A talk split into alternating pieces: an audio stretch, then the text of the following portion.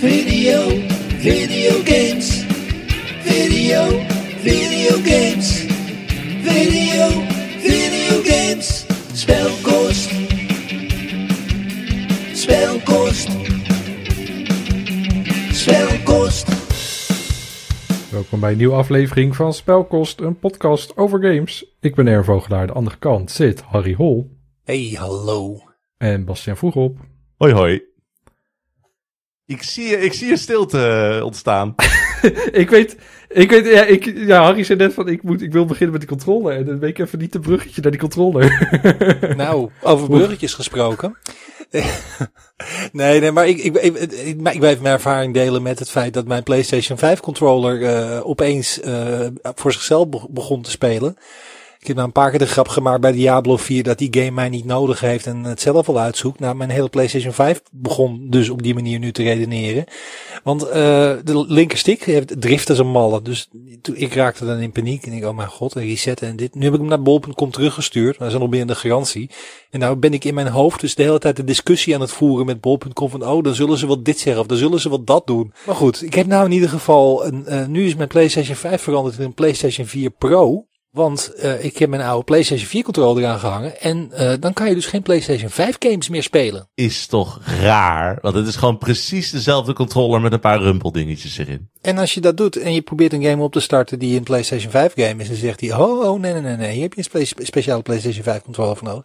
Dus ik ben naar Red Dead Redemption 2 aan het spelen op de PlayStation 5, want eh ja, even tussendoor. Why not? ja, Ja. Ja. Maar ik vond het, ik, ik, ik vind het een hele bizarre keuze, wat dat die controller zo, het is echt een beetje Sony die probeert af te dwingen van, nee, nee, nee, nee, die controller maakt het pas echt next gen. Ik denk, ja, fuck off. Je kan, als je namelijk via, eh eh hoe heet het, eh, streaming, via, via remote play speelt, kun je wel die game spelen met dezelfde controller.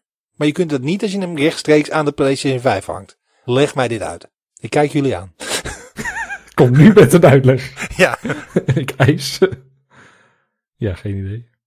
Geld. Geld. Ze willen geld van je. Ze willen Ja. dat je een hele dure controller koopt. Dat is de uitleg. Ja, dat wil ik best doen, maar dan moet hij het wel, nou, nee, dat wil ik niet. Dat had ik al gedaan.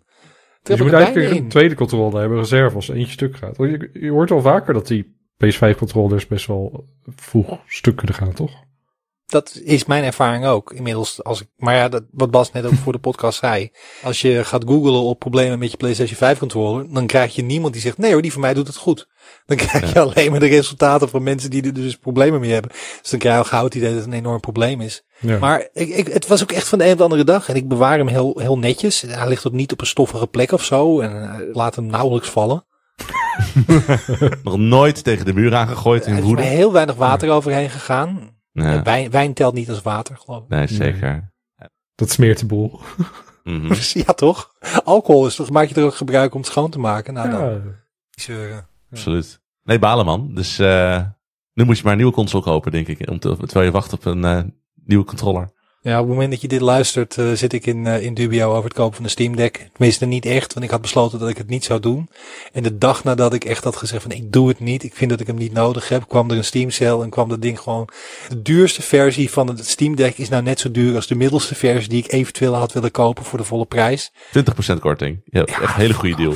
Ja, maar even, even, even over jouw twijfel nog hoor. Want eh je zegt, ik heb getwijfeld. En je zegt dat alsof dat gewoon even een willekeurig momentje is geweest. Maar de afgelopen week is onze Discord veranderd in een soort van de commissie van Harry Hol's portemonnee. Eh ik, had, ik had voor de grap een polletje gemaakt van, hey, wat moet Harry nou kopen? Moet hij nou Final Fantasy 16 kopen? Een. Steam Deck? Nee, het polletje was, wat verwacht je dat had Wat hij verwacht je dat hij gaat? Dus daarom had ik ook op Steam Deck geklikt. Van, ja, ik, ik- de Ja, kans is ja. groot dat Harry nu een Steam Deck gaat. Maar dat is geloof ik wel de meest populaire poll die we ooit in onze Discord hebben gehad. Toen kwam Harry een dag later met zijn besluit. Van nou, ik denk dat ik nog even niks ga doen. En ik kwam, ik kwam een uurtje later weer binnen. Ik heb geloof ik nog nooit zoveel chatberichten achter elkaar gezien. Mensen die begrip toonden, mensen die onbegrip toonden. Het is eh, het meest politieke onderwerp wat we ooit met elkaar hebben besproken in die Discord, geloof ik. Ik had niet verwacht inderdaad dat er zoveel mensen dat überhaupt fuck kon schelen of ik een Steam Deck ging kopen. Zero fucks given was mijn reactie Ja. dat... Maar het is, mijn, mijn logica is eigenlijk heel erg eh, solide daarin. Want ik heb namelijk alle spelcomputers en een gaming PC en een Switch. En ik kan dus eigenlijk in principe principe alles spelen wat ik wil. Het is alleen de tijd die ik heb om het te doen. En er is een, er is een heel klein scenario van een aantal spellen die ik eventueel handheld zou willen kunnen spelen, wat ik niet op de Switch kan doen. Maar is dat dan 506, 549 euro waard? Dat, dat is een beetje. Wat er nu gaat gebeuren. bedoel, we hebben nu, je, je kijkt natuurlijk heel vaak naar je backlog wat je hebt. En als je an- andere consoles wel hebt, en dat je daar genoeg in hebt. Maar je gaat nieuwe games kopen in de toekomst. Dat gaat sowieso gebeuren. Nee, nee, doe ik nooit. Iedere game die jij handheld wil spelen, die eh, gaat altijd beter zijn op een Steam Deck dan bijvoorbeeld op een Switch. En iedere keer als jij nu dat ding niet hebt gekocht, je hebt die sale voorbij laten gaan, je, je, het voelt alsof je kans hebt gemist. Iedere keer als je dan denkt, ik wil handheld wat spelen, dan ga je zuchtend en steunend die Switch versie halen, terwijl je diep in je hart eigenlijk de Steam Deck versie wil spelen. Weet zeker dat er in ieder geval iemand is op deze podcast die mij gaat steunen erin, toch? Oh, Erwin is stil. Nou, ik vond wat ik heel grappig vond van, eh, jij zei in de Discord bij je argumentatie om het toch niet te doen, zei van ja, het gaat ook niet per se om het geld, het gaat om de tijd. En qua tijd, ik even zeggen. En toen kwam die in de aanbieding en zei, nou wacht eens even. Iedereen heeft een prijs, Erwin. ja, Ook ik. toch, dat is toch psychologisch, eh, die sale ding, met een paar procentjes eraf. En, Half verwacht dat jij nu zou zeggen, nee, we gewoon kopen. ja, maar. ja, maar daar zijn we er ook weer vanaf. Gewoon kopen. Dat is we bezig zijn. discussie. Erwin heeft ook nog geen Steam Deck, hè? dus Erwin kan ook meteen kopen. Nou, dan doen we volgende week, de volgende keer doen we een aflevering over de Steam Deck. Hartstikke leuk idee. Ja? ik heb nog niet eens Steam op mijn Mac geïnstalleerd. Ik, ik heb dat wel, maar die- daar, daar erger ik me dood aan. Iedere keer als je dat opstart, dan moet hij weer herstarten. Want er zijn, ik weet niet waarom, maar er zijn meer updates voor de Mac-versie van Steam dan voor de PC-versie. Hmm. Maar goed, dat is allemaal, eh, dat is niet belangrijk. Ik gebruik mijn Mac nauwelijks voor games. Daar heb ik een Steam Deck voor straks. Ja, Ah. precies. Ze leveren vanuit Nederland, hè? Ze zijn er heel snel. Goed, waar gaan we het over hebben? Anyway, ja, nou we hebben een tijdje terug gehad een podcast over onze pet peeves in games. Dingen waar we ons toch wel erg aan ergeren, van die kleine, kleine vervelende dingetjes. En nu denken de luisteraars misschien van, oh, zijn die van die zure, zure mannen, vinden ze game nog wel leuk? Ja, Goede vraag. beide ja, we zijn en zure mannen, maar we kennen- ik vind de game ook wel leuk. En ehm, we gaan deze aflevering gaan we even tegen het overgestelde doen van die pet peeves aflevering. Namelijk, wat zijn onze soft spots in games? Wat zijn de soft spots, Harry? Wat, eh, wat moeten we daarbij denken? Nou het- het zijn dan de dingen in games waar je blij van wordt. Die, al- als een game dat doet en goed doet, dat, dat het, het spel ook voor jou naar een wat hoger niveau tilt. Ja. Dus dat, dat, dat- het kan zelfs zo zijn dat de game zelf misschien niet 100% geweldig is, maar dan dat soort dingen zitten in dingen, ah, maar dit is wel heel tof. Of hier word ik blij van, of wat ben ik blij dat ze deze keuzes gemaakt hebben. Dus, eh, en dan, dat is eigenlijk eh, de soft spot. Ja, we hebben alle drie hebben we vijf eh, dingen per persoon eh, uitgekozen die voor ons persoonlijk eh, belangrijk zijn. En dan gaan we net weer als de, de Pet Peace aflevering, gaan we één voor één, doen we één, één, één softspotje. En natuurlijk van harte welkom in de Discord je eigen reacties te geven. Of Ja. stuur ze in als lezersmail. Dat is natuurlijk hartstikke leuk als mensen daar zelf ook hun eigen gedachten over laten gaan. Dus kom naar spelkost.nl. Absoluut. Eh, wie, eh, wie begint? Pas, mag ik bij jou beginnen? Oeh, ik heb er eentje waarvan ik denk dat ik misschien van één kant weerst- weerstand ga, eh, ga krijgen. Welke Maar waar kant? ik echt ontzettend blij van word, wat bij mij in games echt ontzettend werkt, is als, als er echt een hele grote nadruk op een metagame is. Oh ja. Dat het eigenlijk niet eens zozeer draait om het spelen. Maar het gaat ook wel om het spelen, maar dat je het gewoon. Dat, dat er een endgame is. en Je kan dingen exploiten en rare builds bedenken. En op die manier gewoon een beetje het spel proberen een soort van te hacken. Dat zijn games waar ik soms honderden uren in kan stoppen. Dat ik in Monster Hunter een gekke beeld kan maken. Waarbij ik, waarbij ik opeens een healer ben. Terwijl dat helemaal niet in die game hoort. Dat soort dingetjes. Daar word ik diep, diep gelukkig van. Wie, wie dacht je dan dat daar eh ja. die blij zou worden? Het voelt als een anti-Erwin ding. Oh. Ik, vind, Er- Erwin, ik vind jou echt de ervaringsman. Van ik wil gewoon een, een, een, een, een, een, bijvoorbeeld een verhaal in de game hebben. En gewoon echt ergens fijn doorheen. En iets heel puurs hebben gevoeld. Terwijl dit is eigenlijk gewoon. Het is eigenlijk op de statistiekjes spelen. Dat ik ook bezig ben van wat is mijn crit rate. En hoe kan ik dat eh, optimaliseren. Dat soort dingen. En dat voelt als iets wat jij nooit in je leven wilt doen. Maar misschien ben ik het verkeerd hoor. Dan moet je me zeker corrigeren. Nee, het is niet iets wat ik persoonlijk eh, als softspot zou, zou, zou, zou neerzetten. Maar ik vind het wel heel tof, zeg maar, als games de ruimte daarvoor bieden. Voor mensen die dat wel heel leuk vinden om op die manier te gamen. Om dat dan eh, te doen. Dus ja, alleen maar tof. Ik moet dan denken aan Final Fantasy V.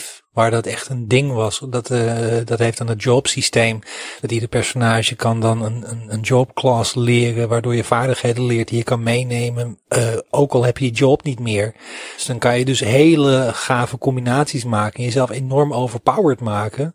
Dat is precies dus ook wat ik daar zo leuk vond aan die game. Dat het spel je alle vrijheid geeft om, ja, we hebben hier je deze set regels gegeven. Uh, maakt ons niet uit wat je ermee doet. Have fun. Go with it. En als jij dan met, met, met drie knoppen een heel uh, een baas uh, weg kan uh, vagen, mooi, dan heb je het goed begrepen wat we wilden geven aan je. Ja. Dus dat vind ik, dat, dat dus in die zin, en dat, met MMO's heb je dat natuurlijk ook. Alleen bij MMO's is het allemaal zo, zo schoongeschuurd dat dat eigenlijk niet meer kan. Ja. Als dat het, als dat het vroeger kon, toen dat nog niet zo'n ding was, die balans en die veiligheid. Final Fantasy 11 is een heel goed voorbeeld ervan, waarbij ik het echt heel cool vond. Het was ook nog een beetje voor, voordat inderdaad alles schoon uh, geveegd was en dat alles geoptimaliseerd was.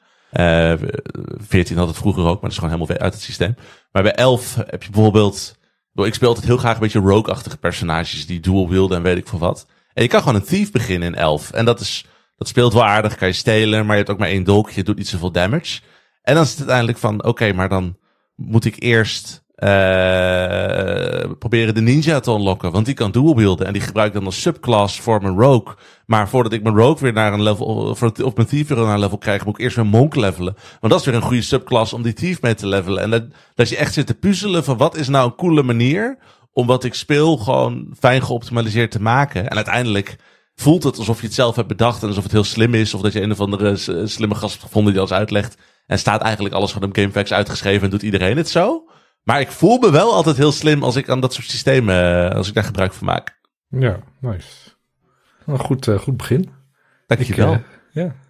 Kijk nu naar mijn lijstje en denk van ja, het is toch iets minder uitgedacht. Heb ik maar, uh, Erwin, wat is jouw? mijn eerste is als een game goede traversal heeft. Dat gewoon alleen het bewegen al oh, ja. lekker is. Dat, ja.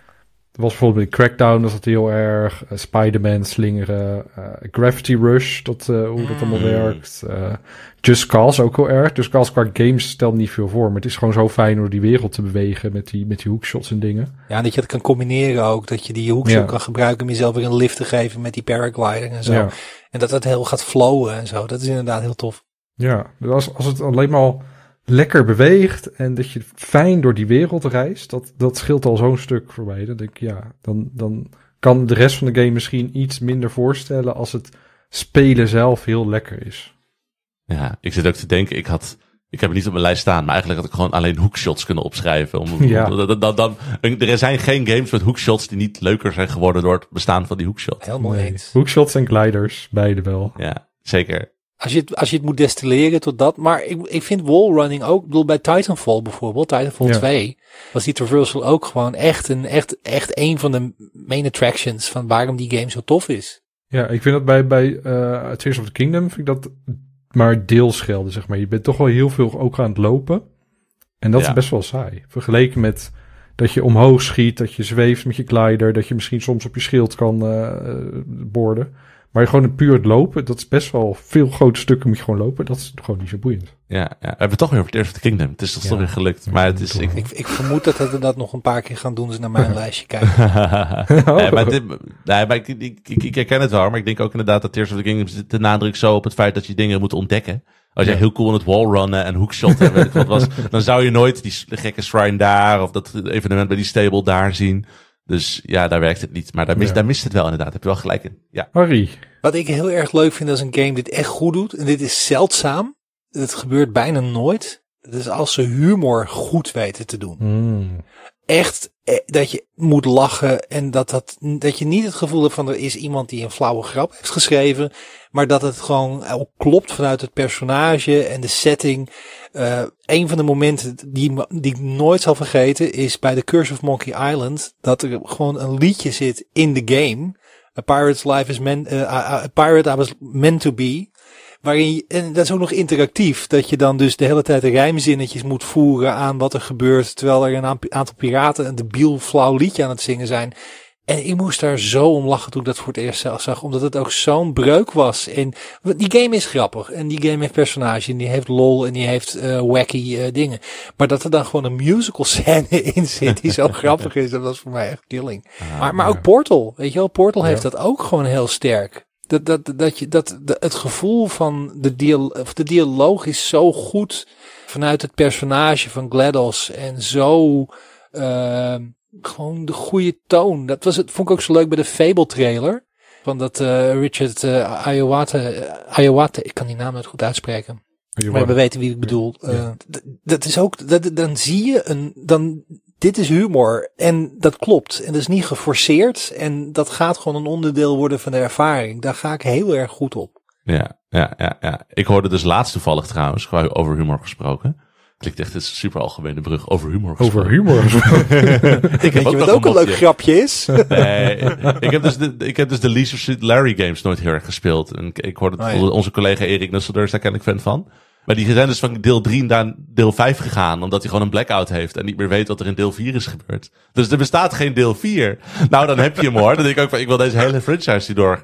Fantastisch. De, de, de, Space Quest games hadden dat trouwens ook. Als we echt teruggaan in de oh. tijd. Die hadden ook echt heel erg leuk. En als ik nog verder terug ga. Je had, je had op een gegeven moment dat je een text adventure gebaseerd op de Hitchhiker's Guide to the Galaxy. En nou, voor, voor niet weten een text adventure is, je tikt commando's in en dan geeft de computer geeft antwoord. Dus als je zegt onderzoek uh, deze kamer of kijk in deze kamer, dan zegt deze, de computer van, nou je ziet dit, dit, dit en dit en dit.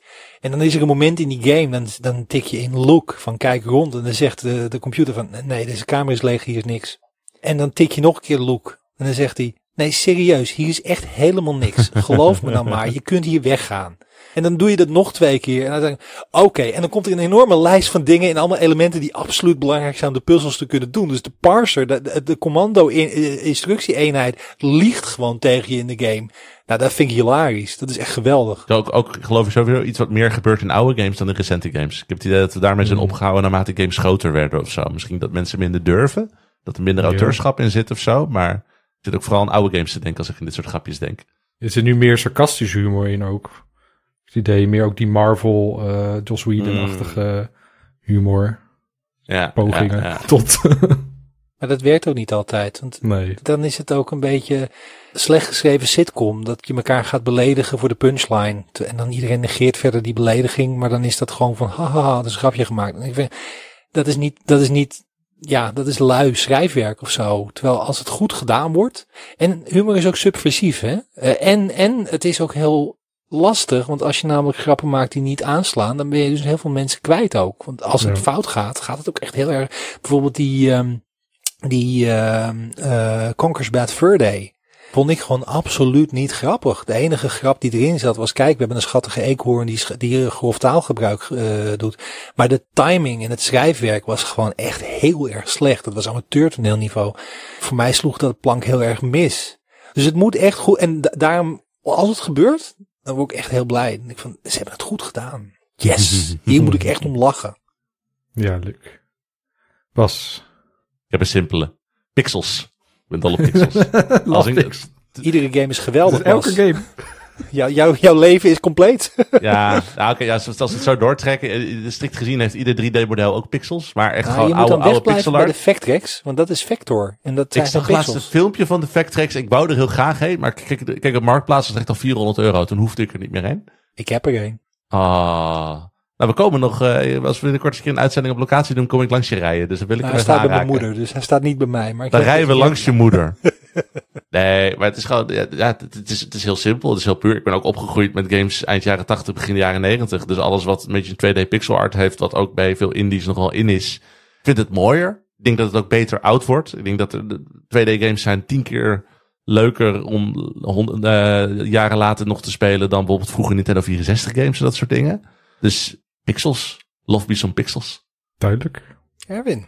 Ja. Um, um, welke zou ik kiezen? Ik ben heel blij als een, als een uh, game kort en krachtig durft te zijn. En dan oh, vooral ja. uh, wat kleinere indie games. Uh, die gewoon heel duidelijk een idee hebben van wat ze zijn en wat ze willen laten zien en vertellen en je laten beleven. En dat dat heel goed in, in drie uurtjes kan. En um, dat je in die oh, drie uur ook gewoon een hele fijne, goede tijd hebt. En bij mij blijven die games ook vaker langer hangen. Dan die games, uh, zoals die grote AAA-games die alles uitrekken. En, uh, en dat het allemaal een beetje verwatert. Dan, dan blijft die krachtige, korte, fijne ervaring. Die blijft bij mij wel beter hangen. Dus dat eh, waardeer ik heel erg. Ja, ik denk ook naarmate je ouder wordt, wordt je valuta steeds meer tijd inderdaad in plaats van geld. Dus ik, ik, ik heb ook helemaal geen tijd meer om games voor 50 uur te spelen. Dus eh, stop het maar in 5 uur. Ja, Ja, ik, ik kan me nog herinneren dat toen Metal Gear Solid uitkwam, toen wa- was een van de klachten tussen haakjes dat het game maar 8 tot 10 uur duurde. Maar ik vond het fantastisch, want ik heb dat in een weekend gespeeld en daarna nog een aantal keer. Maar dan heb je het gevoel dat je één, dat je die ervaring in twee, drie dagen heb je compleet. En de pacing van die game was eh, gewoon zo goed en zo, eh, je zat zo in dat verhaal van, van eh, Solid Snake, dat het perfect was. Dat had ook niet langer moeten duren. Dat was zo samengebald. Dat, dat je naar een anime-serie zit te kijken of een film zit te kijken die gewoon iets langer duurt. en dat vind ik zelf nog wel wat, te- wat te groot en te veel, zeg maar. Ik, voor mij is dan echt wel specifiek echt die kleinere games zoals een short hike. Dat dat puur is, hey, ik ga een wandelingetje doen en een Ja. mooi ding beleven. Of Dordogne, eh een aantal gebieden en Ja, foto's maken. En ik ben nu bezig met Planet of Lana. Die vind ik ook heel goed. Ga ik in de volgende podcast nog wel eh, een keer wat over vertellen.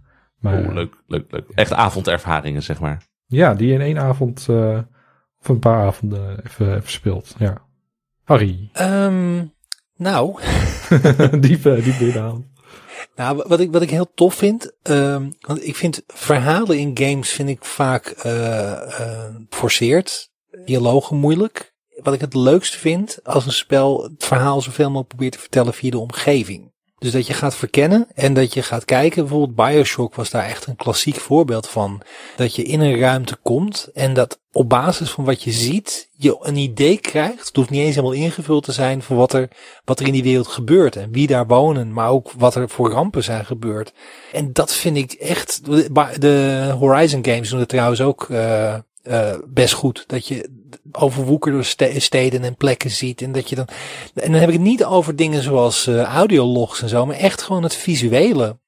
Dat, dat, dat vind ik echt geweldig om te zien. Bij Zelda heb je dat ook. Dat je in Tears of the Kingdom en, Kingdom en in Breath of the Wild, dat je op basis van de ruïnes echt een beetje een idee krijgt van de geschiedenis van wat is hier gebeurd, wat is hier gaande. En de resten, dat je een beetje archeoloog aan het spelen bent. Dat, dat vind ik echt, dat vind ik echt super tof als dat in een game zit. Ja. Half-Life deed het ook trouwens. Half-Life combineerde dat dan ook wel met live events en zo. Maar het was heel erg in de omgeving gebeurde er dingen waardoor jij weet, dit is hoe deze, dit universum in elkaar zit. En dat heb ik duizend keer liever dan dat ik een dialoogtree moet eh, doorlopen of dat ik naar een Mhm. cutscene zit te kijken. Want eh, dat voegt voor mij veel minder toe dan het gevoel van, oh wauw. En dat kan ook iets kleins zijn, weet je, dat, dat, dat, dat een omgevallen vaas en een bloedvlek of ergens in een, in een chique kamer, dat een beetje dat moordmysterie idee. Zijn van die Ja. details dat je denkt, oh wow, hier in- incongruentie waardoor je een, heel, een hele wereld gaat ervaren zonder dat dat uitgelegd wordt. Heb je Dishonored gespeeld toevallig? Welke? Dishonored van Arcane. Ja, en de- niet, niet ver in gekomen, maar die doet dat dus ook. Ja, die doet dat fenomenaal. Dus dat is echt gewoon, dat is de, de game die je nu beschrijft. Als je dit gewoon op het toppunt wil, moet je, moet je die echt nog eens een keer uitspelen. Ja, dat eh, doe ik als ik mijn Steam Deck heb. Ja, nou top, kun je morgen beginnen. Nou, ik heb eh, dat ook heel erg met Planet of Lana nu. Dat is een Ja. game waar twee woorden worden gebruikt. Dat is de, de twee personages die naar elkaar roepen. Maar de rest ga je, je, je loopt een hele wereld in. Je leert heel veel over die wereld. Je leert over het verhaal. Er zit echt een emotioneel verhaal in. Terwijl er maar twee woorden worden gebruikt. Dat vind ik ook wel heel eh, tof, ja. Maar dat ook dat minimalistische, dat, dan hoeft ook niet alles ingevuld te worden en dan krijgen dingen veel meer kracht. Ja, Ik vind het ook wel, bij, als ik, ik, ik ben eh, met mijn vriendin nu ehm ehm eh, Midsummer Murders aan het bingen. En vooral die wat oudere afleveringen, daar is het dialoog is ook heel erg ehm eh, klein gehouden. Dan zeggen mensen maar twee, drie dingen tegen elkaar met veel stiltes. En daar moet je alles uit afleiden.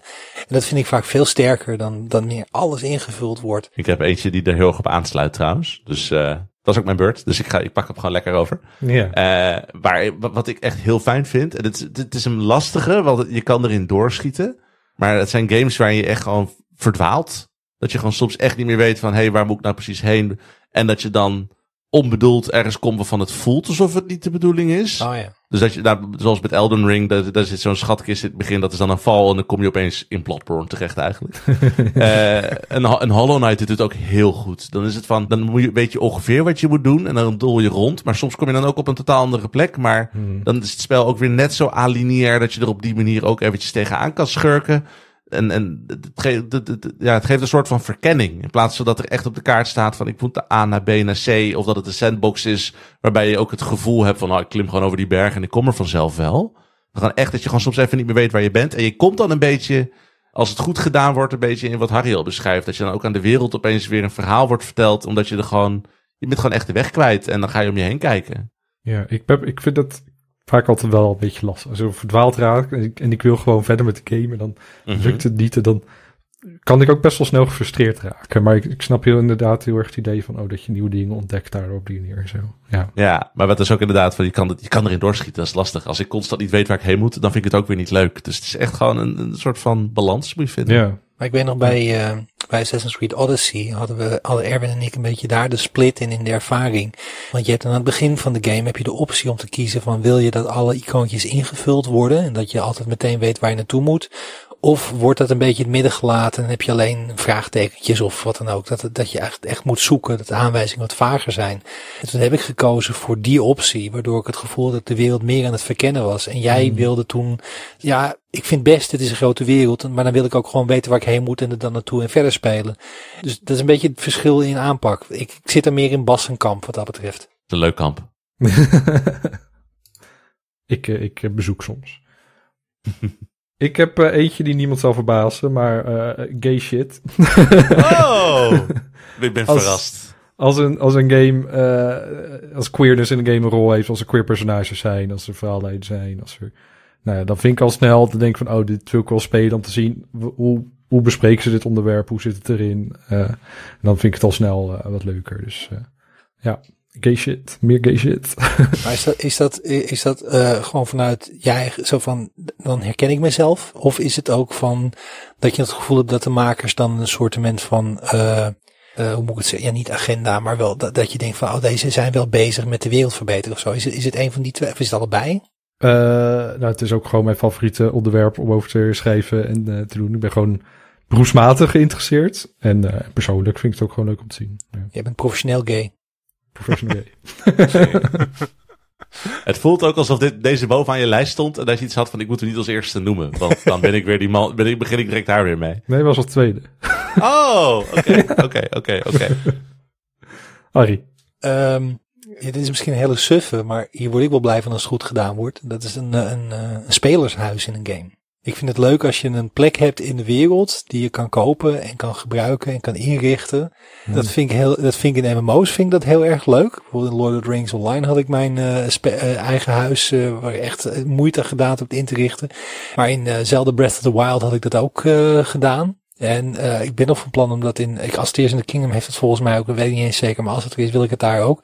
Maar ik vind het ook, als er zoiets is, als een, als een plek van jezelf, dat vind ik al heel gauw iets, iets knus toevoegen. Dat vond ik ook bij Mass Effect bijvoorbeeld, dat je dan de normen die je hebt als je thuisbasis, dat is dan wel een schip, maar het is ook een beetje, een beetje dat enterprise gevoel van ik, ik heb een, een soort safe haven in dit avontuur waar ik me terug kan trekken, waar andere mm. dingen gebeuren, die ik een beetje naar mijn eigen hand kan zetten.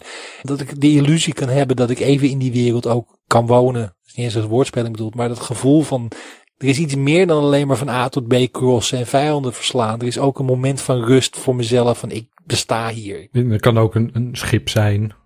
Ja, het kan een schip zijn. Ja. Of, of een kamp wat je opzet. Dat vind ik ook wel leuk. Dat, ik vind bijvoorbeeld de Red Dead Redemption, uh, dat is dan tijdelijk. Maar dat je een kampeerplank op moet zetten als jij bezig bent uh, met, uh, in de wildernis. En dat je dan een plek hebt waar je even wat dingen kan doen. Maar dat er, dat er even een plek van jezelf is. Maar ik vind het leuker nog als het iets permanents is. zoals een eigen woning of een, of een, een schip. Of, wat dat betreft ik zou best ook, uh, ik zou best in zijn voor een spel wat zich een beetje meer fantasy high seas of zo zou zijn. Met een piratenschip wat van jezelf is. Of niet eens een piratenschip, zijn maar een handelsschip of wat Ik ben dol op dat gevoel van, uh, dat is mijn, mijn, mijn, mijn Star Trek gevoel ook een beetje. Maar, maar ook, ook zo van, dan ben ik daar, dan woon ik daar echt. In, in Skyrim ook. Dan heb je ook op een gegeven moment je eigen woning. Is het een life simulator geworden in plaats van alleen maar ervaringspunten ver, uh, verzamelen? Eventjes weg uit de echte wereld en dit is mijn wereld nu. De holodeck. Ja, nou, ik denk ook dat het meerwaarde geeft hoor. Omdat de games voelen dan minder als levels waar je gewoon een beetje zit monsters te slachten en uh, de experience aan het verzamelen bent. Uh, wat je met die boot beschreef. Ik weet dat Arc Age was een MMO ik geloof ook alweer drie keer opnieuw gereset is en onder slecht bewind staat. Ik weet niet of je die nu moet spelen. Maar die, dat, dat, die- dat spel bestond echt bij het idee van je kon gewoon overal zelf wat bouwen en doen. En je kon ook een schip nemen en daarmee de, de, de, de oceanen over en weet ik veel wat. Dus het is ook wel, het is ook een fantasie die ik wel in een MMO en zo nog zou willen. Ja, ik weet dat Final Fantasy heeft housing, maar dat is wel weer net wat anders dan hoe jij het beschrijft. Dat je echt op pad gaat en zo. Dus, eh Maar Minecraft ook, weet je wel. Minecraft, de lol ervan vond ik ook de oorspronkelijke survival modus van Minecraft. Dat je ergens in de wildernis je eigen, je eigen huisje aan het bouwen bent. Wat je steeds uitbreidt of je kasteel bouwt. En dat is dan jouw plek. Dit is, dit is mijn stukje van de wereld. Daar word ik heel blij van als dat goed gaat. Daar zou ik best wel eens een artikel over willen lezen. Over de mooiste huizen. Of de fijnste, de, de echt huiselijke huizen in, in games of zo. Dat is een artikel dat ik best zou willen schrijven. Nou, ik wil hem lezen. Nou, een goede Nou, dan ga ik dat, ga ik dat voor jou schrijven. Top. Alleen voor jou. Ja, dankjewel. niet publiceren, is alleen voor Erwin. Zelfs En de de- Patreons krijgen dit niet te zien. Mhm. En dan wacht een paywall voor alleen voor Erwin. Moet hij eerst zijn eigen eh, BSN-nummer invullen? Vingerafdruk. Ben jij Ja. Erwin? En wel 250 euro, want ja, journalistiek is niet goedkoop. Hè? En Ja, als het niet uit veel mensen komt, dan moet het Erwin komen. Dan moeten we wel even een woordprijs afspreken. Maar goed, Ja. nee, maar ik vind dat, ik vind dat echt, nee, maar dat, dat, dat zijn van die dingen waar ik echt een beetje blij van word als dat erin zit. En dat geeft Ja. me dan, ja, dit is mijn plekje in de wereld. Heb ik je ooit verteld over de huizencrisis in Final Fantasy 14? Ik kijk nu Golden Girls. Oh. En jij bent een beetje de Rose Nyland nu. Die- Die heeft het dan altijd over, over, over St. Olaf. En bij jou gaan de verhalen altijd over Final ja, Fantasy ik weet het. En ik, ik, ik baal er ook van dat ik over begin, maar dit past zo ontzettend bij wat je, wat je Nee, zegt. maar- dat ik denk, van, ik moet er wel over beginnen. Vertel, vertel. Maar ik voel me al die guy. Nou, weet je, zij hebben dus ook zeg maar, het idee dat je overal een eigen huisje eh, kunt krijgen. Maar er zijn een x aantal plekken in die game waar je een huis kan kopen. En er zijn natuurlijk veel meer spelers dan die plekken. Dus die plekken raken heel snel bezet. En dan komt er pas weer een plek vrij als iemand heel lang niet gespeeld heeft. En dan krijgen die mensen mailtjes van pas op je verlies je plek. En, als en, en je hebt dus de hele tijd gehad. Er stonden er echt overal botters en weet ik veel wat. Constant te klikken op zo'n dingetje om, de, om te kijken wie als eerste dat huis kocht. Spelers die onderling de huizen probeerden te transferen door ze aan een guild te hangen. En die guild aan elkaar te verkopen voor ook gewoon honderden euro's echt geld en dat soort dingen. Ze hebben nu een systeem bedacht waarbij je een loterij kunt eh, meedoen. Eh, dat zit in die game, zodat je zeg maar niet meer als een gek dat hoeft te doen, maar gewoon een kans hebt van 1 op 3 of 1 op 15 of 1 op 100, afhankelijk hoeveel mensen er meedoen. Maar dat spel heeft dus echt oprecht, omdat al die huizen niet instant zijn, gewoon de woningcrisis die we ook nu in Nederland hebben. Dat er gewoon een huistekort is. Echt bizar om te zien in een game. Leuk hè, ontsnap van de werkelijkheid in zo'n... Ja, dit is dus ik, ik krijg nu ook weer flashbacks naar, naar toen had je PlayStation Home op de PlayStation 3. En dan, dat was dan die online eh, Second Life eh, poging van Sony. En dan had je daar spelletjes zoals een bowlingbaan en zo. Maar die waren ook niet instanced. Dus dan, als er meer mensen in die, in die game waren en, en die waren bezig, dan moest je dus op je beurt wachten in een game. Dat vond ik zo debiel. En dat was een beetje dit. zo van, dit is, Er- Erwin's Pizza is het trouwens, geloof ik. Bij de huis uh, roep... nou ja, dit, dit, jammer dan. ik heb, heb je een videodeurbel dat je straks achteraf kan zien wie het was? Ja. Maar nu niet, want mijn telefoon is de camera van de podcast. Nou goed, we gaan, we gaan het straks ontdekken. Ik ben reuze Ja. Maar misschien moeten we dat niet in de podcast doen. want Misschien is het wel een heel persoonlijk gesprek. nou, ik heb een vermoeden. Ik heb een pakketje hier liggen van een van de buren. Maar die ligt er al sinds, sinds eh, maandag of zo. Dus kunnen ze nog een dagje wachten. staat er bederfelijk op. Ook dat is die lucht. Er kwamen eerst nog krabgeluidjes uit, maar dat is opgehouden sinds gisteren. Oh nee, nou gaat het dark. Oh. oh, oh. Bas, wat is jouw volgende? Oh, ik was aan de beurt alweer. Ja. Eh, waar ik heel erg van hou is ja, sowieso een New Game Plus. Maar dat voelt een beetje als een soort van tamme omdat het overal zit. Maar ik heb het liefst een New Game Plus met een twist. Dus als je bijvoorbeeld bij het uitspelen van Metal Solid, eh, Harry noemde die net al eerder dat hij vrij kort was. Dan krijg je afhankelijk van de keuzes die je had gemaakt, je bijvoorbeeld of een bandana voor Infinite Ammo je nog een keer speelde. Of, de, of een stealth ding zodat niemand je kon zien. Ehm, Jedi Survivor heeft nu dat je allemaal opties kan aanzetten. Waaronder eentje dat iedere keer als je doodgaat, dat, dat je weer in willekeurige andere kleren in de game wordt gespand. Omdat je, en dan krijg je gewoon door allemaal gekke outfits heen. Gewoon het spel op een nieuwe manier, een nieuwe keer, of nog een keer uitspelen. En ja, het kan ook moeilijker zijn. Dat is op zich een hele prima manier om het te benaderen. Maar voelt altijd een beetje, een beetje, beetje, een beetje simpel. Maar als er gewoon een soort van gekke, gekke twist in zit, daar ga ik altijd heel erg goed op. Ik heb altijd, het ik vind dat, ik, ik vind het op papier vind ik dat een leuk idee. Maar eh, als je weinig spellen hebt en je kunt dan echt het maximaal eruit halen. Je kan de ervaring nog een keer doen. En dat heb ik toen dus Metal Gear met ook gedaan, want waar ik niks.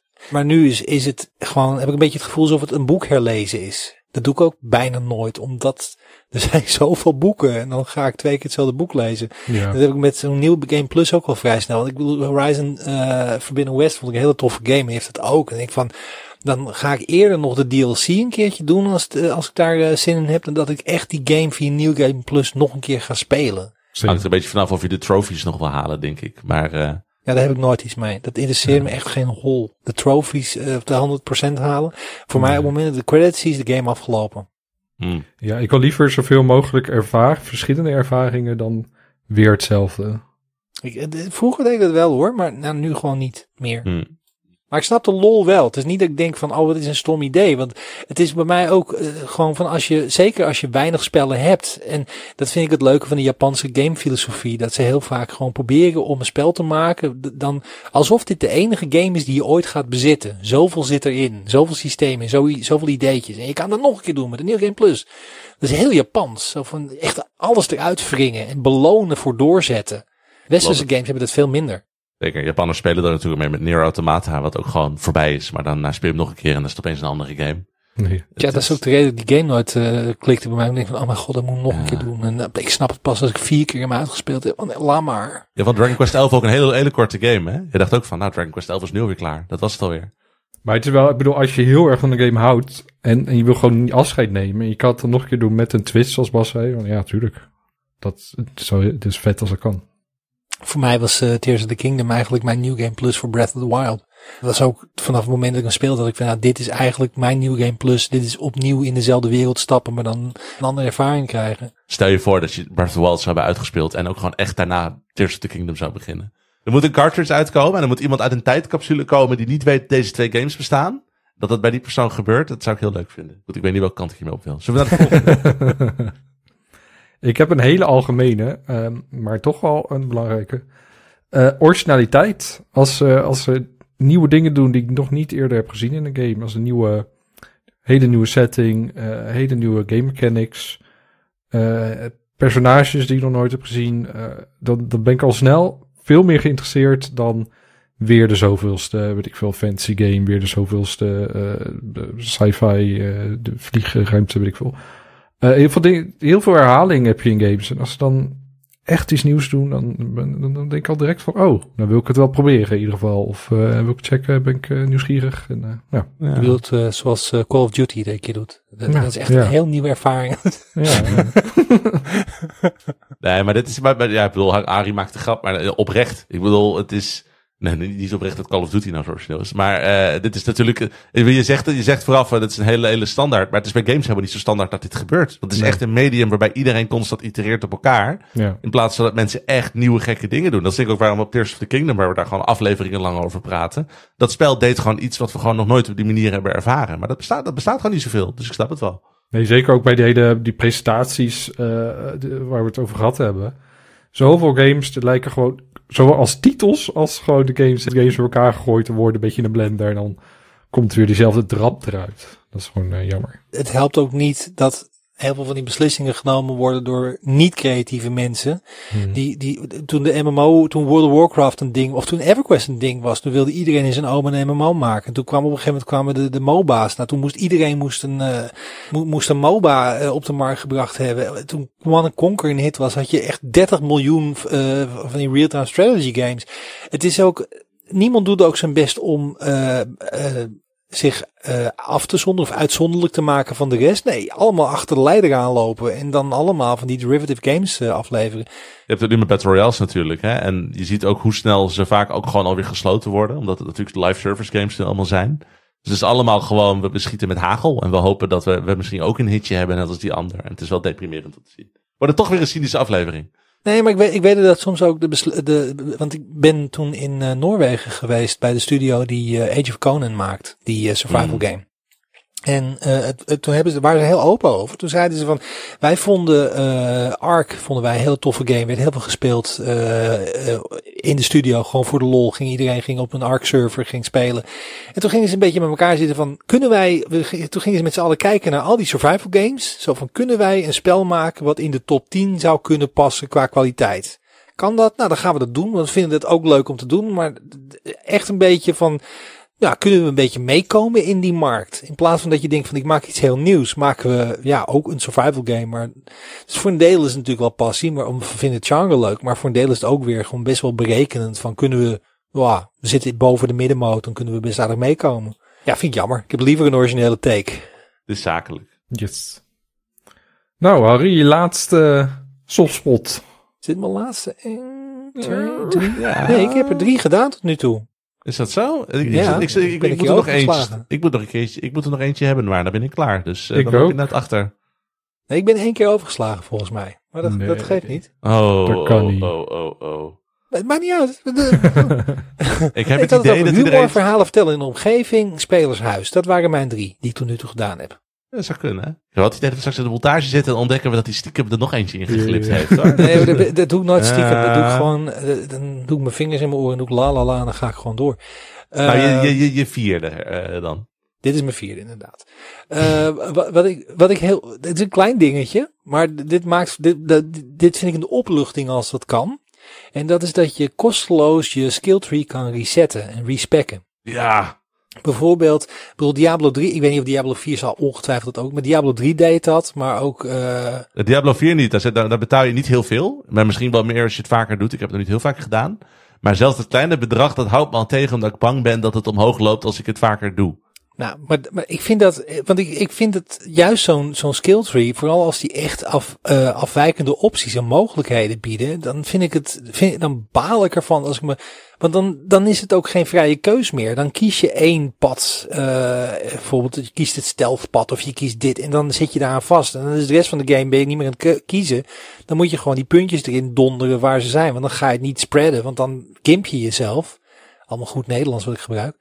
Maar dat, ehm, maar ik wil graag experimenteren. En ik van als, als me dit pad niet bevalt, wil ik wat nieuws doen. Ik, ik- eh, eh, wat ik eh, bijvoorbeeld bij eh, Horizon Forbidden West heel tof vond, dat dat gewoon kon. Je hebt daar heel veel skills die je kan kopen. En je krijgt best wel veel van die punten. Maar je kan in principe, als je dat wil, alles maxen. Maar als je op een gegeven moment erachter komt van... Ja, maar ik wil niet sluipen. Want ik vind sluipen vind ik saai. Ik wil gewoon rachen met die, eh, met die wapens en zo. Dan, eh, dan kan je dat gewoon ieder moment doen. Nou, dat vind ik een bevrijding. Dat geeft mij ook het gevoel... Het maakt het spel ook niet leuker als je dat niet doet. Ik ga de game, zoals we net al hebben vastgesteld, niet nog een keer spelen. Dit is de enige kans die ik ga hebben ermee om het leuk te hebben. Nou, geef me dan alsjeblieft de mogelijkheid om, om te doen wat ik wil, wanneer ik het wil. En als iets me niet bevalt, laat me het dan even aanpassen. Ja, Dan krijg ik ja, ook minder ja. keuzestress. En, denk ook, en dan ga ik ook eerder experimenteren. Als ik weet dat ik gewoon dingen kan resetten. Dan heb ik ook niet, oh mijn god, dadelijk heb ik het verkeerd gedaan. Dan kom ik, zit ik erachter, 20 uur kom ik erachter. Ik had het op een gegeven moment bij Final Fantasy 12. Die was ik aan het spelen lang, een hele tijd geleden. En dan kan je, eh, als je een personage voor, geïntroduceerd wordt, dan kan je hem een job geven. Eh, en ik had me vergist. Ik had eh, twee keer een healer gekozen, terwijl ik eigenlijk een, eh, een rogue voor een personage had willen kiezen. En dat kon je niet ongedaan maken. En de rest van de game, toen ben ik op een gegeven moment ben ik opnieuw begonnen op de, in de Switch versie, omdat, want ik had hem toen op de PlayStation 4. En straks op de Steam Deck. Maar dan, haalde de lol eraf. Denk, oh mijn god, ik heb me vergist. En nou zit ik eraan vast voor de komende 80 uur. Ja, ja, is dat vind, ik, dat vind ik kut. Dus als ze dat goed doen, als ik, eh, dus als ik de vrijheid heb om dat om te gooien. Oh, dat vind ik, dan wordt de game voor mij al tien keer leuker. Ja, FF16 doet dit trouwens wel heel goed. Die heeft inderdaad gewoon gratis re eh, respecs. En daar heb ik ook heel veel geëxperimenteerd in die game. Omdat, het Nou, gewoon, dat dat je gewoon toffe tof ding kan bedenken. Ja. Dus dat is, eh nee. Square is daar wel beter in geworden sinds deel 12. Oeh, daar is iemand aan het plassen. Nou, dat zou ik niet willen zeggen van mijn dure wijn. eh. Uiteindelijk wel, hè. Het gaat, gaat allemaal naar beneden. Ja, hallo. Je kunt wijn niet kopen, alleen huren. Ha, ha, ha. Bas, wat is, jouw, eh, is wel jouw laatste? Nou, zal ik er ook mijn vierde van maken? Nee. Deze haakt een beetje op de vorige, eh, de vorige die ik had. Want ik ben dus wel iemand die graag voor de platinum en weet ik veel wat gaat. En wat ik echt zeer waardeer, is als ik die, die, die platinum of die duizend eh, gamer points, of hoe het ook heet bij Xbox inmiddels, kan halen zonder dat ik het spel op een hogere difficulty moet spelen. Bedoel, ik Oh, ga ja. graag nog een keer door dingen heen en ik ga graag nog even alle sidequests af en ik doe graag nog even wat zijpaadjes en dat soort dingen. Vind ik hartstikke leuk. Maar als ik dan hetzelfde moet doen en dan opeens op insanity difficulty waarbij alles vijf keer zo langzaam doodgaat en ik one-shot word, terwijl ik het al een keer gespeeld heb. En dan zit ik ook altijd, eigenlijk al voordat ik aan een game begin, al in de stress van, jeetje, moet ik nou direct op hard beginnen en gaan vloeken of moet ik eerst normal er rustig doorheen en kom ik dan terug omdat ik dan denk dat ik de trophy wil halen? Nee, ik ben heel blij met games. Ik bedoel, eh, Jedi Fallen Order en Survivor als goed is ook, maar die moet ik nog halen. Eh, die deed het heel goed. De Spider-Man games deden het heel goed. Dat ik gewoon, kon er gewoon lekker doorheen. En ik, niet het gevoel dat het makkelijk was, maar wel gewoon voldaan. Dus dat. Bij eh, Halo 2, weet ik nog. Halo 3 was dat een van de Halo's. Daar had je een achievement voor eh, het, het eh, voltooien van de campaign op de verschillende moeilijkheden. En als je hem dan op eh, normal had completed, dan kreeg je een achievement voor normal en voor easy. Ja, Dus, maar, wat grappig was, het enige wat je daarvoor hoefde te doen, was de laatste missie op de hoogste moeilijkheidsgraad spelen. En dan Oh, kreeg je een achievement voor het completen van de campaign op. En dan kreeg je dus eh, voor de hoogste. En dan had je, dan hoef je alleen maar die laatste missie, dat je met die, met die Warthog aan het rijden bent. Spoiler alert voor een game van 20 jaar geleden. En die werd niet echt significant moeilijker op een hoge moeilijkheidsgraad. Maar dat was gewoon doorkarren en wachten tot je bij het einde bent. En dan had je dus die achievement gehaald. Dat vind ik ook goed. Als je het op zo'n manier doet. prima exploit. Ik heb het dus één keer wel gedaan op de difficulties van Mass Effect 2. Maar dat was ook een gedoe. En ik vond dat spel toen fantastisch. En het was ook in een tijd dat ik niet zoveel tegelijkertijd hoefde te spelen. Maar nee. Ge ge geef platinums. Ik wil er honderd dingen voor doen. Ik stop er zo honderd uur in. Maar haal die difficulty dingen er gewoon uit. Met je kunstmatig verlengen ook of zo. Achievements zijn het al voor een deel, maar dit is gewoon een beetje flauw. Ja, het klinkt nu een beetje trouwens hoe ik het verwoord. Alsof het eigenlijk een pet peeve maar dan omgedraaid is of zo. Want eigenlijk ben ik aan het klagen over games die dit niet doen. Maar ik waardeer het gewoon heel erg als het er gewoon wel in zit. Dan ga ik ook sneller die platinum halen, merk ik. Dan denk ik van, nou, dan doe ik het. Nou had ik er nog eentje. Nou, ik heb, ik heb er nog twee, maar ik, ik, ga, ik hou mij aan, aan, de, aan het, eh, het aantal van vijf zoals we dat hebben afgesproken. Moeten we niet nog eentje van Erwin? Of heeft Erwin alle vijf gehad nu? Ja, ik moet er ook nog eentje. Oh, sorry, Ja. ga je gang, Erwin. Oh, oh, oh, oh, oh. Eerst klagen dat hij wordt overgeslagen en dan over Erwin heen gaan, hoor. Nee. Ah. Ik geef de wijn de schuld. Ik bedoel de plas. Mhm. Dat is de huurplas. Ik heb er eentje, die heb ik tijdens het podcast heb ik die eh, eh, nog bedacht. Ik had een andere, maar die heb ik nu omgereld. Ehm, en eh, hoe ik het moet verwoorden, weet ik nog niet helemaal precies. Maar wat ik heel tof vind, is als je auteurschap merkt in een game. Mm. Dat je. ehm, eh, veel games worden natuurlijk gemaakt door hele grote teams en beslissingen van bovenaf en het team. En kan heel goed zijn en zo, maar het, het voelt niet ehm, als een connectie tussen jou en de maker. En ik vind dat heel tof als je dat heel erg wel merkt in een game. Dat heb je meestal als het echt door één persoon is gemaakt, of misschien door twee personen. Ik moet denken aan eh de Beginner's Guide als zo'n game. Het is Heel duidelijk.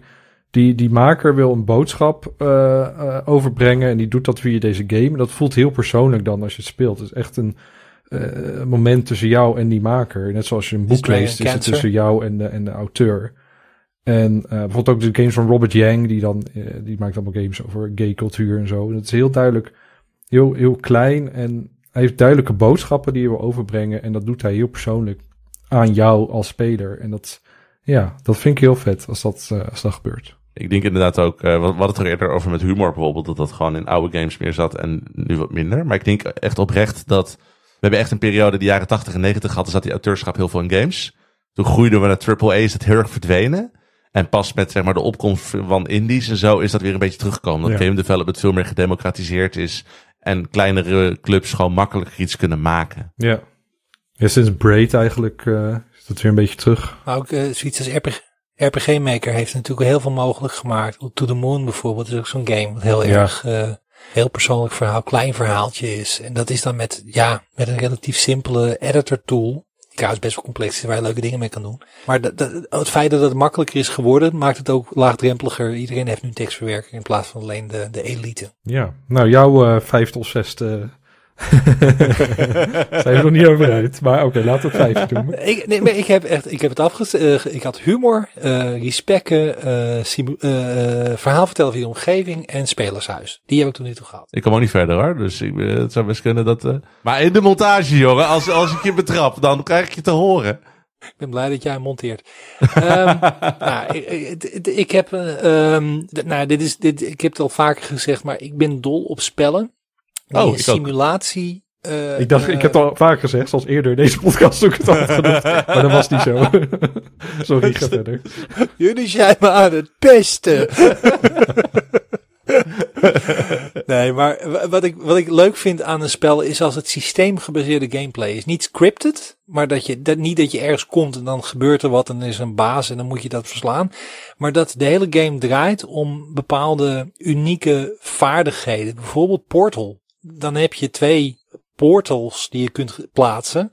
En eh, de wereld is physics-based, dus zwaartekracht werkt en zo. En dan, dan moet je dus echt gebruik maken van de simulatie van de wereld om, om dingen op te lossen.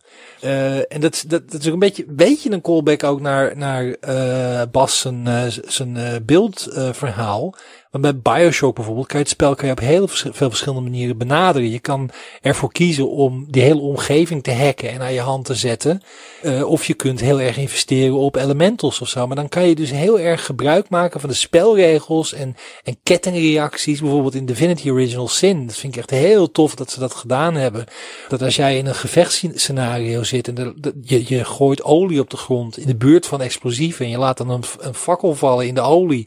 Dan gaan die exploderende eh, vaten in de buurt van de vijand gaan af. En dan heb je echt van die, van die physics kettingreacties. Ik durf bijna niet te zeggen, maar Tears of the Kingdom doet dat soms ook. Eh. Maar, maar het is heel erg dat gevoel van eh, de wereld reageert op een, op een eh, gestructureerde manier. Je, die regels liggen vast. Kerbal Space Program vind ik ook zo'n voorbeeld daarvan. Alles is gewoon, je hebt het vaste natuurkundige regels en je hebt eh, de, de raketten doen op een bepaalde manier dingen en dat is allemaal voorspelbaar. Maar omdat er zoveel van die elementen zijn, wordt het onvoorspelbaar en moet jij je weg erin vinden en dat gaan combineren en daar eh, eh, ja, puzzels mee oplossen, bazen verslaan. Dat vind ik echt het allertofste wat er is. Dat je echt gaat spelen met die wereld. We Ja. hebben hier een aantal regels. Hier heb je een aantal speelgoedjes. En ga maar lekker los. Daar word ik Immersive heel Sims. erg blij van. Jij houdt van immersive sims. Immersive, si- ja, ik heb recentelijk pas die term gehoord. Ik begrijp ook dat Prey, die staat op Game Pass en op PlayStation Plus trouwens, eh, schijnt ook zo'n spel te zijn wat heel erg op die manier werkt. Ja. Die staat ook op mijn lijstje van spellen die ik nog wel wil spelen als ik daar tijd voor heb. Maar dat, dat is voor mij, eh, ja, Stealth heeft dat ook wel een beetje. Iets minder, maar dan, dan dat- dat is wat, wat beperkter. Maar vooral systemen. Systemen, systemen, systemen. Niet scripted, niet van oké, eh, nu loop ik daar naartoe en dan gaat er een filmpje lopen. Of oh, nu moet ik op het rode oog van de baas schieten. Ja, Het is allemaal leuk, hoort er allemaal bij, vind ik prima. Maar eh, de weg ernaartoe wil ik graag zoveel mogelijk zelf aanklooien. Hij maar ik zonder dollar. Want ik noemde net al Dishonored. Van hey, die moet je spelen. Ja. Nu ik erover na zit, te denken, ik denk dat al jouw tips gewoon Dishonored zijn. Jij beschrijft gewoon, Dishonored is jouw ultieme softspot game. Hoe heb je er niet uitgespeeld? Dat is de eerste die je op je, op je Steam Deck moet spelen straks. Nou, ik zal hem zo meteen even. Oh, oh nee, die werkt natuurlijk niet op de PlayStation 5 nu. Nee, maar we heb je Steam Deck. Anyway, maar dat is dus mijn eh vijfde. Ik heb er nog twee, maar die, zijn, die, heb, ik nou, die heb ik nou wel verdiend als bonus, omdat ik er eentje overgeslagen heb. Nee, nu is, nu is het klaar. Is klaar. Die zijn voor de Patreons. Die kunnen, die kunnen dit Patreon kanaal lezen. Zoals er zijn mechanics die mij anders naar de wereld laten kijken. Kan je de Witness nog herinneren? Zijn we nou aan het boycotten met het stilte? We gaan naar de tips. We gaan naar tips. nee, maar de witness dat je op een gegeven moment die puzzels hebt met schaduw en zo in de wereld. En dat je dan op een gegeven moment als je dan de- door het park heen loopt in het echt, dat je dan denkt van hé, hey, dit lijkt wel een puzzel uit de witness. Dat vind ik geweldig. Of in Metal Gear Solid, dat je op een gegeven moment ontdekt hoeveel ventilatieroosters er wel niet zijn in een kantoorgebouw. En dat je daar misschien ook wel doorheen zou kunnen als je niet mijn leeftijd en mijn omvang had. Het is heel gevaarlijk om SimCity te spelen en daarna te moeten vliegen over een stad. Want dan zit je ook alleen maar te kijken van, oh, dat hebben ze daar gedaan. Dat is industrieterrein. En dat is, eh, oh, die rotonde, daar moeten ze wat aan doen. Omdat je gewoon op een soort van metaniveau naar, de, naar een stad gaat kijken. Ik heb dat heel sterk als ik naar als City Skylines, dat pak ik eens in zoveel tijd, pak ik dat Ja. tevoorschijn. En dan ga ik ook vervolgens, en dan ga ik ook anders naar de rotonde kijken vlak bij mijn huis. En dat vind ik eigenlijk heel erg leuk, omdat je dan je, je eigen wereld door andere ogen gaat bekijken. Dat vind ik dat als een goed boek, een goede film heeft dat effect ook. Dat je de wereld anders gaat bekijken door de ervaring die je in de game hebt gehad. Ik vind dit een mooie bonus die ik eh eraan toe heb gevoegd. Nou, misschien hebben we nog een goede boek of een goede film in de tips. We gaan het meemaken. Er Bas. moet er echt vanaf. Bas, Ja. wat is je tip? Ik heb een tip. De, de, de Super Mario film is eindelijk digitaal eh, verkrijgbaar. Eh we draaiden natuurlijk al even in de bioscoop. Heel veel mensen zijn toen al geweest. We hebben het erover gehad dat we misschien met z'n drietjes zouden gaan. Is er niet van gekomen. Nee. En ik heb ook heel lang getwijfeld, wil, wil ik dit de eerste film maken die mijn zoontje gaat zien? Want die, dat is een kleuter van vier. En ik hoorde van mensen in het begin wel een scène met, eh, die net wat te spannend is voor hele kleine kinderen. En nou, thuis op de tv is één ding, maar in de bioscoop voor het eerst eh, een heel groot scherm is dat, is dat wat. Dus eieren voor mijn geld gekozen, maar dus nu voor het eerst digitaal met mijn zootje gekeken. Het is, nou, bedoel, Mario is, ik vind Mario games leuk hoor, maar het is niet per se mijn favoriete franchise. Maar dat je dan zeg maar wel iets hebt wat in de buurt van je grote hobby komt met gamen. Je zoontje de bank zit en hij is nog nooit zo opgeslokt geweest door een film. Oh. Daar, daar ben ik, ik ben er vrij sentimenteel over geworden op, op een aantal punten. En hij heeft hem nu ook al vijf keer eh, opnieuw gekeken. dus het, het houdt wel aan. Eh, en ik hoor hem ook, dat eh, hij citeert hem ook steeds. En het begint echt met eh, It's a me, let's go. En eh, er zit, er zit één zo'n zo'n zo'n dry bones. Dan, dan zitten Peach en Bowser met elkaar te ruzieën. En dan zegt hij... drama. En dat vindt hij om een of andere reden hilarisch. Dus steeds zit hij aan tafel en dan hoor je opeens, hoor je opeens de jonkie. Drama. dus nee, superleuke film. Sowieso leuk om te kijken, want er zit vol met game referenties. En eh, nou, waarschijnlijk heb je alle recensies inmiddels al gelezen, omdat hij in de bios is geweest. Maar als je een kind hebt vanaf vier jaar, zeker mee kijken. Dat is gewoon het leukste wat ik dit jaar heb gedaan. Ik ga Oprecht. zonder een kind van vier jaar kijken, want anders word ik gearresteerd. Als ik eerst een kind van vier Mm. jaar ergens vandaan moet halen, dan moet ik een heleboel uitleggen. Ja, zeker waar. Hele kinderopvang, rapperoer. Maar ja, Harry heeft wel de film gekeken. Van die kinderen. Van, wat doe ik hier? Doorkijken. Waar is papa? Mario. ja, het zou ongemakkelijk zijn geweest als je met je eentje had gekeken. Hè? Dat zou ongemakkelijk zijn geweest. Ik heb een eh, serietip eh, op eh, Disney Plus, American Born Chinese. Die wou ik al een tijdje kijken, maar ja, er was allemaal andere dingen. Er was Zelda. En eh, dus kwam helemaal niet van. Nu heb ik hem eh, afgelopen weekend gebinged. Er zijn maar afleveringen van een half uur, dus dat, eh, die gaat best wel snel doorheen. gaat over een ehm, eh, Amerikaans-Chinese tiener die betrokken raakt bij de strijd tussen de Chinese goden. Die wonen in de hemel en die komen een beetje op aarde om stennis te schoppen. En er wordt, komt hij, wordt hij bij betrokken. En ehm, de halve cast van eh, Everything Everywhere All at Once zit erin. Eh, Michelle Yeoh heeft een hele grote rol. Eh, Stephanie Su zit er kort in. En nog een paar anderen ook. Ehm, en de actiescènes doen heel erg denken aan eh Crouching Tiger and Dragon. Weet je, dat zweverige zo. eh, ze hangen duidelijk aan koorden, zeg maar. Maar dat geeft niet, want de, de sfeer is heel goed. Ehm goede actiescènes. Echt leuke, leuke high school serie zonder de standaard dingen van... oh, er is een bully of zo. En eh, dat zit er niet in. Daar was ik heel blij mee. En er zit een rol in voor cosplay voor de mensen die dat leuk vinden. En ehm, ja, echt een, echt een hele leuke serie. Echt een, eh, een aanrader. American Born Chinese op eh, Disney+. Plus. Leuk. Nou, wat mij betreft, ik heb een. eh het is eigenlijk wel gek dat ik deze tip nooit eerder heb gegeven. Want het is voor mij is dat een, een soort go-to website. We weten allemaal dat het internet op dit moment best wel kut is en, en corporatized. En dat alles is via grote mediabedrijven. Maar er blijft één kleine website moedig weerstand bieden tegen de eh, grote corporate overheersers. En dat is jammersreviews.com. Dat is een, een site van één gast. En die is ooit begonnen met, eh, ik ga voor mijn lol, eigenlijk voor mijn plezier, ga ik alle Star Trek afleveringen recenseren. En dat is hij gaan doen. En gewoon best oké. En soms ben je het met hem eens, soms niet. Maar die maakt gewoon recensies ervan. En die is op een gegeven moment eh, een beetje ja, erin doorgegaan met andere series. Zoals Battlestar Galactica, The Orville en zo. En nu met eh, de, de nieuwe seizoenen van, het nieuwe seizoen van Strange New Worlds. Is hij natuurlijk ook iedere, iedere keer als er een nieuwe aflevering is. En het is gewoon een hele toffe, milde site om te kijken. Je gaat er naartoe om zijn mening te lezen. En er is een comment section onder waar iedereen gewoon normaal tegen elkaar doet. En, en, en een eigen mening geven. Als een aflevering is uh, uitgebracht van een serie die die aan het volgen is. Dan is de comment section is open voordat hij zijn eigen recensie heeft geschreven. En dan zie je andere mensen al hun mening geven en zo. Of wachten tot uh, wat, uh, wat de schrijver zelf heeft gedaan. En het is gewoon één dude die dat, die dat runt. En ik vind het een hele prettige plek om af en toe eventjes ook met medefans van verschillende.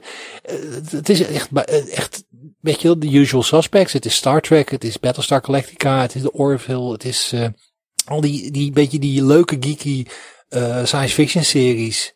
En ja, gewoon goed, ook recensies waarover nagedacht is. En er zit verder niet echt een commercieel ding in. Je kan hem een, uh, een tip geven via een Patreon of zo, maar het is verder geen nauwelijks advertenties. Uh, die site die is echt al honderd jaar hetzelfde. Eh, qua, qua layout en Ja, zo. maar dat zeg ik zit te kijken. Het is in 1995 opgericht en het ziet er ook uit alsof hij in 1995 eh niet, Ja. sindsdien niet meer is aangepast. zou me niet verbazen om zo'n gif te zien van Under Construction die er ronddraait of zo. Dat, er opeens muziek afspeelt in de achtergrond terwijl je het lezen bent, midi's. Nou, nee, gelukkig. Zo, het, is, het is niet the worst of the 90s. Maar dat vind ik voor een deel vind ik dat ook de charmes. Dit is echt, dit is echt een van de overgebleven fan homepages. Die nooit meer is geworden dan dat. Maar wel heel sterk. En wel gewoon leuk, goed geschreven. En leuke discussies. En ik vind het een beetje zo'n verborgen plekje op internet. Waar verder iedereen van af moet blijven. Maar daar moet je wel naartoe als je van die series houdt. Omdat het, het is gewoon een leuk klankbord. En wat ik al zei, ik ben het lang niet altijd met hem eens. Maar dat vind ik ook niet nodig bij een recensie. Ik vind het gewoon leuk om iemand anders, die gewoon gepassioneerd is over het onderwerp, even te lezen. Wat, wat vond hij van de laatste aflevering? Of wat vond hij van die aflevering die ik net nog een keer gekeken heb? En dat, ja, dat, dat vind je eigenlijk nergens meer. In onze podcast. Maar eh, Ja, maar- bij, bij, dan hebben we nog een boel te doen. Dus we alle afleveringen van Star Trek moeten gaan bespreken. Waar ik voor ben trouwens. Ik zie Erwin nee schudden. Waar ik voor ben trouwens. Paniek. Ik wil dit oprecht wel met je doen hoor, Harry. Gaan we gewoon eh, retroactief door alle afleveringen heen praten we erover. Erwin mag ook meedoen, maar als hij zo hard met zijn hoofd schudt, dan moeten we hem dat niet aandoen. Ja. Lijkt mij oprecht heel leuk. Er zijn meer van dat soort podcasts trouwens. Ik, eh, ik zeg geen nee. Maar, eh, maar ik, ik vind dit. eh, ik, ik wou dat er meer. Als er een oproep aan de luisteraars. Als er meer van dat soort sites zijn. Echt fan-driven. eh, over dit soort dingen. Ben ik echt super geïnteresseerd. Want ik vind dat gewoon. Eigenlijk zoals internet hoort te zijn. Een gast met een homepage die over zijn passie schrijft. En dat goed doet. Ah. Nou, ik, ik weet niet of het toffer kan dan dat. Nog één keer over hoe het eruit ziet hoor, want het is echt heel grappig. Maar eh, het is, ik zit dus op een heel groot ultrawide scherm. En ik had het in een klein schermpje openstaan. Maar ik, ik, ik maak hem, ik, ik, ik rek hem op. En dan heeft hij gewoon twee gigantische gr- grijze velden. Want dit is gewoon nog steeds een website gemaakt voor 4 bij 3 schermpjes. Dus echt zo'n heel klein smal dingetje zit er in het midden van je computer dan. Het is heel Ja, grappig. en, je, en er zit ook zo'n gradient. eh, Ja. in. Ja. En het is, en het- nee, het is, het is niet, niet de beste grafisch voor, maar dat geeft niet. De enige site die lelijker is, is eh Ain't It Cool News. Eh, ik weet niet of die nog bestaat, maar ongetwijfeld wel. Maar dat is een beetje ook volgens mij uit hetzelfde tijdperk. Maar, eh nee, Oh maar- ja, oeh ja. Jakkes. Ja, van Harry Knowles. Die was ooit eh, de meest eh, invloedrijke eh, internetter in, de, in Hollywood. Als hij recensies schreef, dan ging, kon een film maken of breken. Maar Jammers is het niet zo. Dat is gewoon leuk. En de series die erop staan, Enterprise, Prodigy, Star Wars, Mandalorian, Caprica, Andromeda, Orville. Echt, dit is echt mijn, dit is mijn wereld. Dit Ja. is mijn interessegebied wat ik hier zie. Je zit gewoon je eigen blog te pluggen hier. Ik heb je wel door. Alleen het design is een beetje jammer. Review. Ja, maar dan moet je erin kijken. Ja. Het, gaat, het gaat echt puur om de content hier. Je moet gewoon lekker die artikelen grapje. lezen als je dat wil. En als je Dat op is een jammer. tablet kijkt, je zet hem op reader modus, dan heb je helemaal geen last van die, eh, van die eh, vormgeving. Of gewoon lekker in een... eh, ja, hij, ondersteunt RSS. Zo modern is hij wel. Dus je kan hem ook gewoon in een RSS-app zetten. En die maakt het ook mooi. Hadden jullie het grap niet door? Dat Laat maar, de luisteraar is het wel door. De sluit af. Ik weet niet wat er Ik heb gebeurt, gemist. is goed. Nee. In de montage ga ik heel hard lachen. Ik, ik hoor het wel in de auto. Ja. Dit was eh, deze aflevering van uh, Spelkost. Wil je meer leren, lezen, doen eh, met deze podcast? Dan kun je dat allemaal doen op spelkost.nl. Daar vind je onder andere een link naar onze Discord om te praten over. eh, we hebben nu een drag kanaal, we hebben een tuinkanaal, we hebben een koopjeskanaal, we hebben alles. En ehm, op spelkost.nl vind je ook een link naar onze Patreon als je ons wil steunen voor een klein bedrag per maand. Voor onder andere de hosting, de hardware, de software. En Bas zoekt heel snel op wie, ons- wie dat nu al doet. Want dat En zijn... dat, doen, eh, dat zijn samen Chris, Dennis, Erik, Roland, Mark, Gerard, Wietse, Niels en Kevin. Was het zo duidelijk? Dat ik zag helemaal in paniek. Ja. ik dacht dat is mijn rol, ik ben het helemaal vergeten. Maar eh, dat zijn ze allemaal. Super. Eh, dan, eh, dan eh, dames Bas en Vroeg op Hariol, ik ben Er Vogelaar. Heel erg bedankt voor het luisteren en tot de volgende keer. Video, video games. Video, video games. Video, video games. Spelkost.